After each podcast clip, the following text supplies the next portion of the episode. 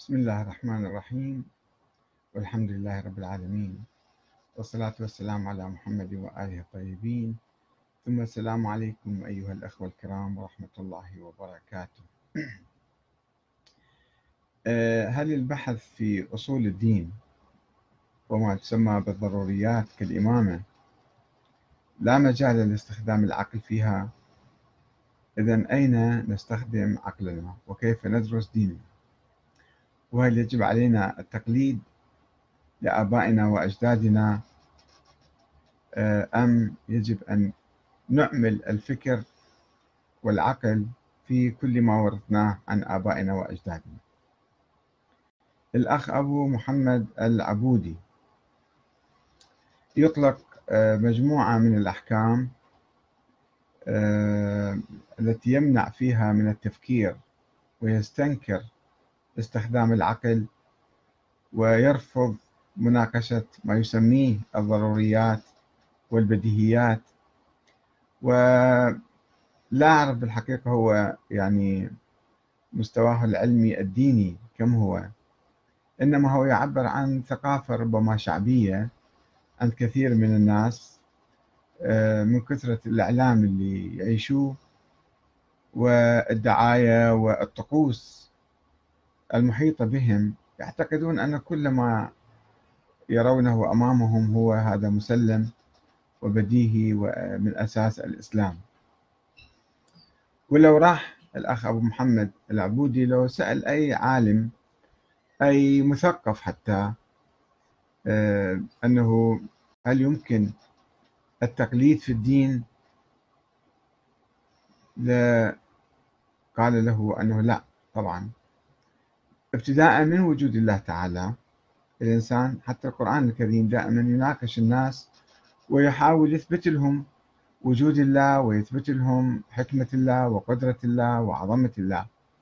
والأنبياء أصلا جاءوا لكي يثيروا دفائن العقول. يعني ما يتناقضوا مع العقل إنما العقل قد يثبت أحيانا يغفل أحيانا. فالأنبياء جاءوا لكي يثيروا دفائن العقول يحركوها ويوجهوها التوجيه الصحيح. وإلا الله سبحانه وتعالى أودع فطرة في فطرة الإنسان أنه عندما ينظر إلى نفسه وإلى الكون وإلى مخلوقة الله مخلوقات الله تعالى يدرك أن هناك خالق عظيم قادر عليم حكيم سميع بصير. أما بالنسبة للنبي والأنبياء كما تحدثنا قبل أيام أيضا فهناك أنبياء كثيرون بالتاريخ. أنبياء يعني آه، فعلا أنبياء من الله وأنبياء مزيفون ادعوا النبوة. ولا يزالون حتى اليوم هناك آه، من يدعي النبوة. أو يدعي الارتباط بالدين بشكل معين بأنه هو مثلا يفهم الدين أفضل من غيره. مثلا الأحمدية. الأحمدي آه، شيخهم اللي جاء قبل حوالي 150 سنة 200 سنة هذا اعتبر نفسه هو يعني كأنه رسول جديد أو نبي جديد. فهل يمكن واحد يصدق أي إنسان يتكلم؟ آه، أم لا؟ يجب أن يفكر ويدرس وينظر ويستخدم عقله حتى يعرف الصح من الخطأ. وإحنا مثلا ورثنا الآن مجموعة نظريات مجموعة أفكار كل مذهب من المذاهب الإسلامية. واللي نشأ أو ينشأ في أي مذهب والمذهب يحيط به وما سامع كلام آخر. يعتقد أن هذا هو الحق المطلق اللي هو ورثه من آبائه وأجداده. ولكن الذي يعني ينفتح ويحتك بالآخرين ويتناقش معهم أو هو يدرس بحد ذاته يدرس مذهبه أو دينه وقد يكتشف أمور أنه متراكمة خرافات أساطير داخلة في هذا المذهب وبالتالي عليه أن يعيد النظر. فليس كل ما آه، تعتقد به يا أخ أبو محمد أنه هذا من أصول الدين أو أصول المذهب وأمور ثابتة الآن عندك هي ثابتة في الحقيقة وهي من ضروريات الدين. خلنا نقرأ لكم رسالة أبو محمد ماذا يقول؟ وربما نعلق عليها قليلا. يقول مسألة الإمامة هذه المسألة ليست مسألة تقليد بل هي أصول ثابتة في المذهب. يعني صارت تقليد إذن إذا هي ثابتة وأنت ما تبحث فيها راح تقلد فيها.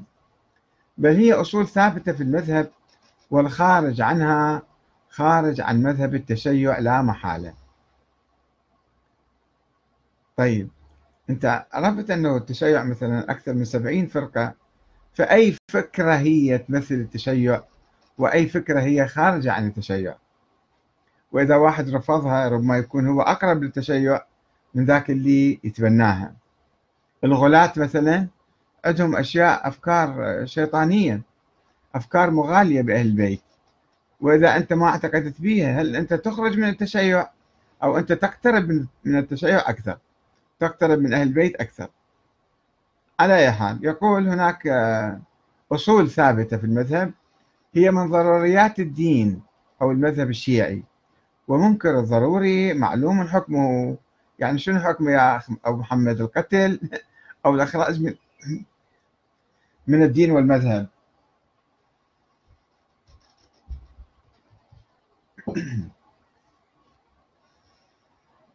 المشكلة في طريقة التفكير يعني ليس في الكلام اللي يطلقه طريقة التفكير في هذه المسألة والموقف من عملية آه، الاجتهاد والنظر في هذه الأمور. يتابع الأخ أبو محمد العبودي يقول لو قال أحمد الكاتب أو غيره أن محمدا صلى الله عليه وآله ليس بنبي أو ليس خاتم الأنبياء فهو بذلك يخرج عن ملة الإسلام. ولا علاقة لذلك بالتعقل أو التفكر. هو إنسان يؤمن بنبوة النبي محمد بالعقل والتفكر يؤمن بنبوته. وإلا يعني إحنا رجل قبل 1400 سنة ما شايفيه ولا نعرفه يقول أنا نبي مثلا. إحنا عندما نطلع على كتابه الذي جاء به القرآن الكريم جاء به من الله تعالى فنعرف أنه هذا كان نبي فعلا. يعني استخدمنا عقلنا وعرفنا هو نبي مو أنه قلدنا آبائنا وأجدادنا قالوا هو نبي فإحنا نقول نبي لا استخدمنا عقلنا. آه، طبعا اللي ما يؤمن بالنبي محمد بعد هو مو مسلم أو ما يؤمن بخاتمية النبي هو أيضا يعني آه، يخرج عن الإسلام. طيب هناك من يعتقد بأن الأئمة أيضا أنبياء أو شبه أنبياء أو ثلاثة أرباع أنبياء وما يؤمنون بخاتمية النبي محمد. يعني يقولون ما يصير النبي آه، الوحي يخلص وينتهي. لازم يستمر. لازم يستمر. لازم الوحي ينزل على الأئمة والملائكة تنزل عليهم. فهذا مثل هاي الفكرة. فكرة مالت الغلاة أو فكرة صحيحة من أهل البيت. أن هم كانت تنزل عليهم الملائكة وتجيب لهم وحي جديد وعلم جديد. فشوف أكو مسائل. يعني أنت لو تلتفت إلها راح تشعر أنها دخيلة بالمذهب وهي ما ما لها علاقة بالتشيع. الذي ينكر البديهي والثابت والضروري جاهل. طبعا اللي ينكر البديهي مثل اثنين آه، عدد أربعة وعدد اثنين زوجي وعدد ثلاثة فردي هذا يسموه بديهي. الثابت والضروري هذا بنسبي يعني في بحث. ما هو الثابت ما هو الضروري؟ حتى أنت مثلا تعلمت أو عرفت وتلقيت عن معرفة وعقل وتفكر وعلم أم عن جهل وتقليد. يقول والذي يدافع عنه لا يقل جهلا عنه. طيب. وعد القرآن هو مقدس أيضا رغم أنف المعترض. بس إحنا متى نتعارك يا أخ محمد. نتفاهم خلي شوي شوي نعرف الأمور. عد القرآن هو مقدس. عد القرآن كيف؟ يعني أنت لازم تثبت هذه من القرآن حتى تقول هذا آه، القرآن. ومن هم عد القرآن؟ كم واحد؟ ليش صاروا 12 ليش صاروا 13 ليش صاروا 11 ليش مو أقل؟ ليش مو أكثر؟ فهذه أمور لازم تعرفها بدقة حتى تقدر تحكم عليها. وهو ثابت أيضا وقطعي الصدور عن النبي ولا مجال للتشكيك فيه. طيب إذا أجى واحد شرح لك الموضوع وعرفك إياه وأنه هذا اللي أنت تعتقد ثابت هذا مو ثابت هذا صار ثابت بعدين وما كان صادر عن النبي إنما نسب إلى النبي بعدين. وبحثته بصورة علمية ووصلت إليه شفت أنه لا هذا شيء يعني مو مو ثابت ولا آه، قطعي. وهو حديث الثقلين الصحيح المتواتر عند كل المسلمين. حديث الثقلين بنسخ عديدة. ومو كان متواتر إنما صار متواتر بعدين. وما يسموه متواتر اشتهر عند المسلمين في القرون اللاحقة. فأنت لو ترجع للبداية أنا شو شنو حديث الثقلين بالضبط؟ ما هو؟ وماذا أضيف عليه؟ وماذا وكيف فسر مثلا وكيف أول. فيمكن تحصل عندك نظرة أخرى يا أخي محمد. وحرمة أهل البيت لا تقل شأنا عن حرمة القرآن. فهم القرآن الناطق وعدل الكتاب. من هم أهل البيت؟ إذا تعرف سبعين تفسير أكو لأهل البيت. أهل البيت من هم؟ كيف تعرفهم أهل البيت؟ أنت تقول أكو عندي أحاديث متواترة. زين هاي الأحاديث لازم تبحث فيها ولا لا؟ أو تأخذها من القرآن. القرآن مثل ما يطرح هاي الفكرة.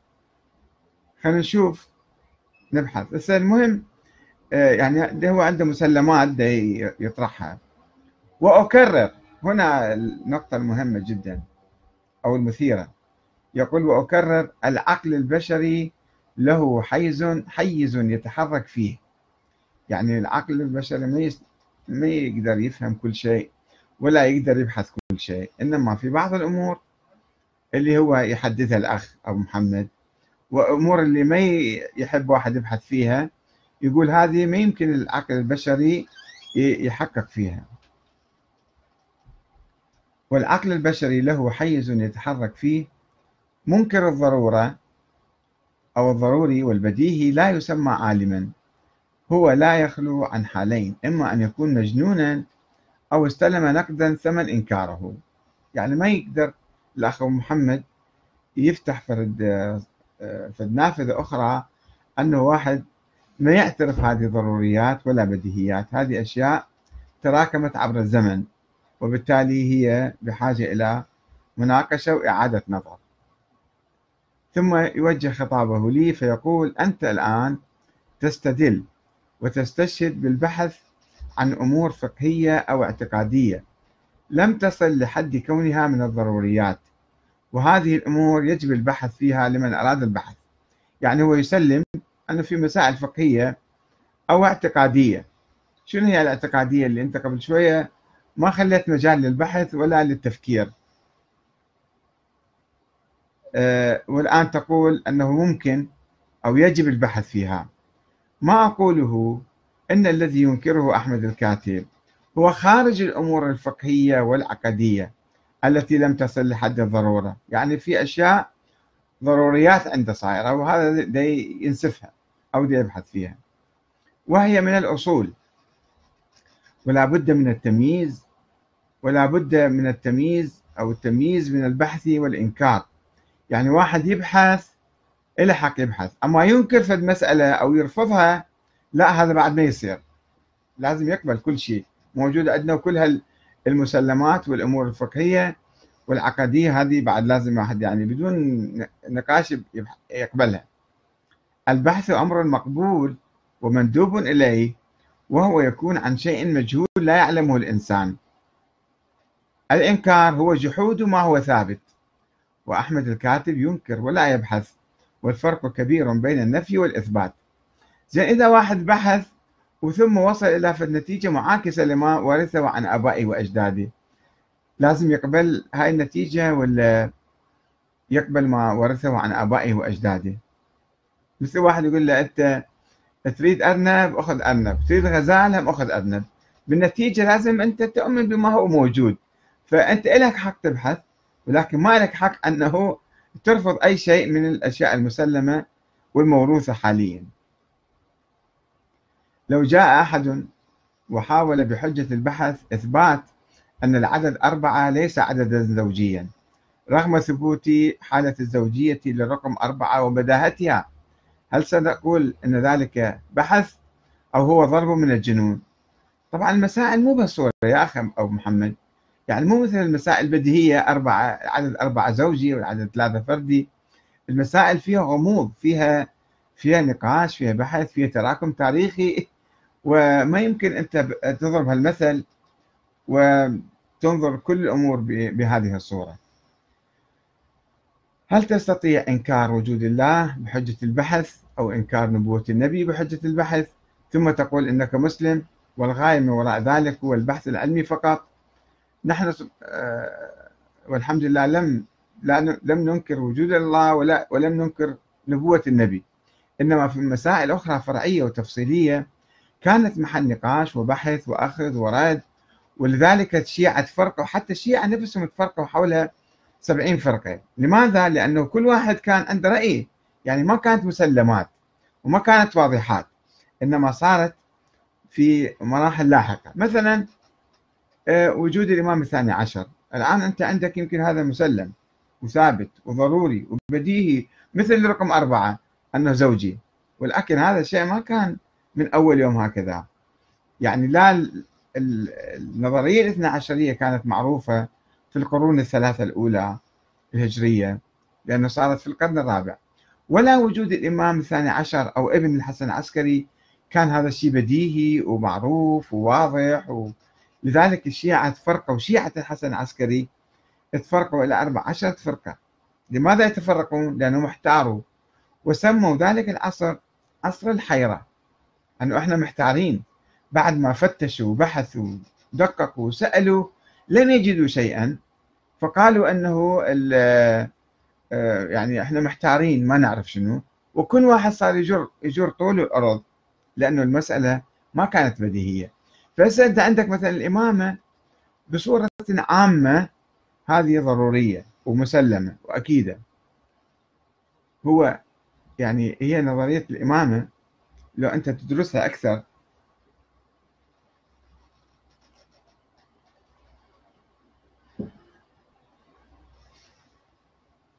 نظرية الإمامة يا أخ أبو محمد أنا باختصار أقول لك إياها.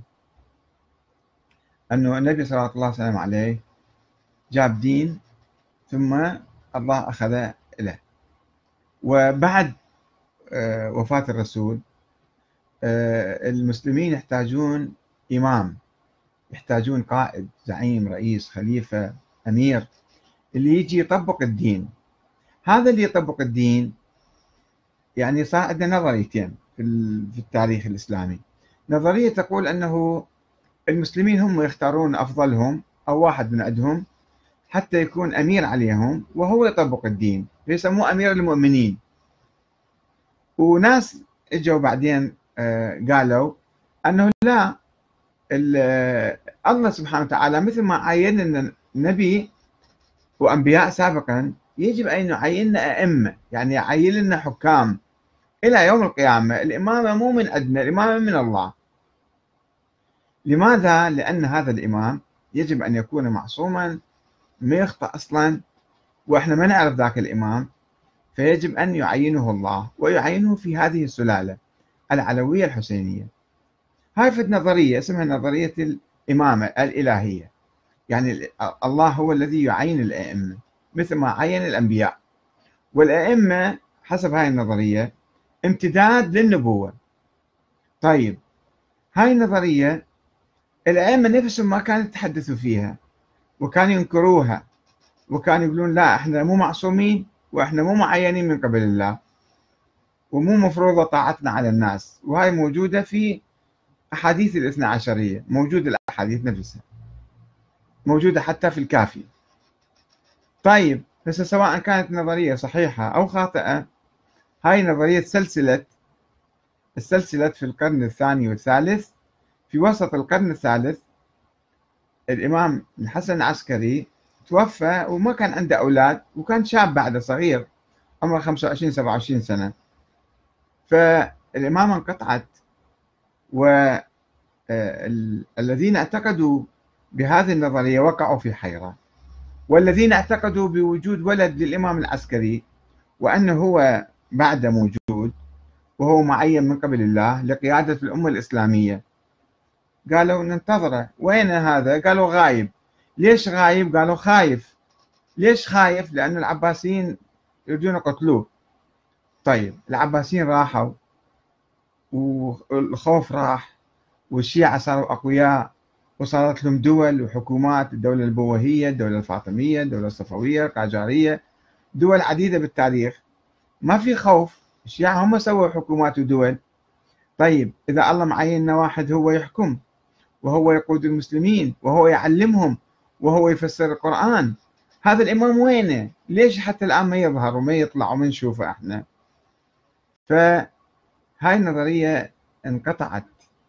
انقطعت وبادت وانتهت ويستحيل تطبيقها اليوم. نظرية صارت بالتاريخ. نظرية تاريخية ما يمكن تطبيقها اليوم. فهي هي المصاديق مالتها افترض ظل الأئمة الاثنى عشر. ولكن هي النظرية نظرية عامة وممتدة إلى يوم القيامة. مو محصورة بوقت معين قرن أو قرنين أو ثلاثة.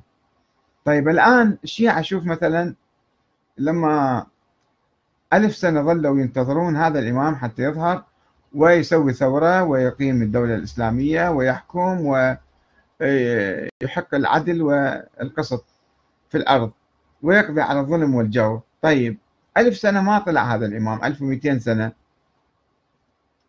إلى قبل 50 سنة الشيعة المراجع بالنجف كانوا يقولون يجب أن ننتظر هذا الإمام وما يجوز إحنا نقوم بأي ثورة أو نشكل حزب أو عمل سياسي أو نشكل دولة أو حكومة إسلامية أو نطبق الحدود أو نجاهد في سبيل الله. وحتى الآن حتى الآن السيد السيستاني يقول الجهاد مثلا مو واجب في عصر الغيبة والدفاع هم بمراحل وبكذا وبشروط وشيء فذاك ما يجي يعطي فتاوى ضد المحتلين مثلا. وكذلك علماء آخرين يقولون ما يجوز نقيم حكومة ولكن السيستاني قال يمكن إحنا نقيم حكومة الآن. طيب إحنا نسأله هذا الحكومة اللي نريد نسويها الآن وقبل السيستاني الإمام الخميني أيضا أقام حكومة في إيران.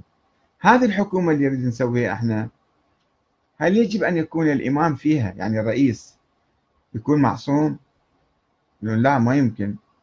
يكون معين من قبل الله يقول ما شلون نعرف واحد معين من قبل الله؟ ما عندنا وسيلة كي نعرف أنه الحاكم الله يعينه. طيب هل يجب أن يكون من السلالة العلوية الحسينية؟ يقول لا هاي من قطعة السلالة. توفى الإمام العسكري وبعد ما عندنا إمام أو الثاني عشر غايب. فالآن بإيران وبالعراق وبلبنان وباكستان وأفغانستان وتركيا وكل البلاد اللي فيها حكومات والشيعة يشاركون فيها يقولون الحاكم منتخب من الناس. فرجعنا إلى البحث الأول اللي بعد رسول الله المسلمين اختلفوا. قسم قالوا الحكومة إحنا نعينها ننتخب واحد جيد صالح عالم فقيه عادل حتى يكون أمير علينا حتى يكون رئيس علينا. وقسم قالوا لا لازم الله يعين الحكام الله يعينهم. هاي النظرية وصلت إلى طريق المسدود وتهاوت وانهارت وانتهت وما يمكن نطبقها. الكلام مو على ذلك الأئمة خوش أوادم ولا مو خوش أوادم معصومين ولا مو معصومين. الكلام حول إحنا اليوم شنو نسوي؟ إحنا الآن نقعد ننتظر الإمام اللي الله معينه وما معينه هو في الحقيقة. إحنا متوهمين أو نفترض أن الله معيننا واحد. أو إحنا نروح نشكل حكومة مثل ما سوينا الآن. هذه الحكومة بها مثلا آه، قد يكون بها أخطاء أو بها فشل أو بها كذا ولكن نحاول نصلح الأخطاء يوم بعد يوم. فهذه مو مسلمات. شوف أنت يا أخي محمد لو تدرس نظرية الإمامة أكثر وبعمق وتعرف تتعرف عليها بدقة تعرف أن هاي نظرية منقرضة. نظرية ما موجودة ما يمكن تطبيقها اليوم. وفد نظرية فيها غلو حول أهل البيت وفيها كلام هم أهل البيت ما كانوا يقولوه. لو تقرأ أحاديث أهل البيت الصحيحة والدقيقة راح تكتشف أنه أنت بعيد عن أهل البيت وهذه المسلمات اللي عندك وتعتقد ضروريات وبديهيات وما أدري شنو هذه أشياء تكونت عبر التاريخ ما كانت من أول يوم. فأرجو منك يا أخ محمد أن فعلا أن تكون تبحث عن مذهب أهل البيت. تروح تدرس أهل البيت بدقة وبصورة جيدة وتشوف شنو باقي من عنده وشنو يمكن تطبيقه. مو فقط أنه أهل البيت عدل القرآن يعني شنو عدل القرآن؟ مفسرين القرآن وين تفسيرهم؟ ما كنت عندهم تفسير للقرآن. المسائل الفقهية أربع خمس مسائل كلها جاية عنهم. ما مجتهدين فيها. ما عندهم مسائل يختلفون بها عن النبي محمد صلى الله عليه وآله. فما عندنا في مسألة كبيرة. الآن شوف المراجع المعاصرين عندهم مسائل فقهية هم مجتهدين بها مئة مرة ألف مرة أكثر مما ورد عن عن الأئمة. ليش؟ لأنه يجتهدون. سابقا كان الاجتهاد حرام هسه صار حلال من قبل ألف سنة يعني. التقليد كان حرام صار التقليد واجب الآن واللي ما يقلد أعماله باطلة. وهذه عندك يمكن ضرورية أيضا وبديهية. واللي ما يقلد أعماله باطلة. بينما هذه المسألة لو تراجع فتاوى العلماء السابقين الشيخ المفيد الشيخ الصدوق الشيخ الطوسي آه، شوف ما ما يعرفون مسألة التقليد. فكثير من المسائل يمكن أنت تعيد النظر فيها وأرجو أن تعيد النظر فيها. من أجل مو من أجل بحث التاريخ من أجل أن اليوم كيف تبني حياتك وكيف تبني نظامك السياسي وكيف تاخذ حقك وكيف تشارك أنت في العملية السياسية بصورة سليمة وتؤدي دورك في الأمر المعروف والنهي عن المنكر وإحقاق الحق وإزهاق الباطل. والسلام عليكم ورحمة الله وبركاته.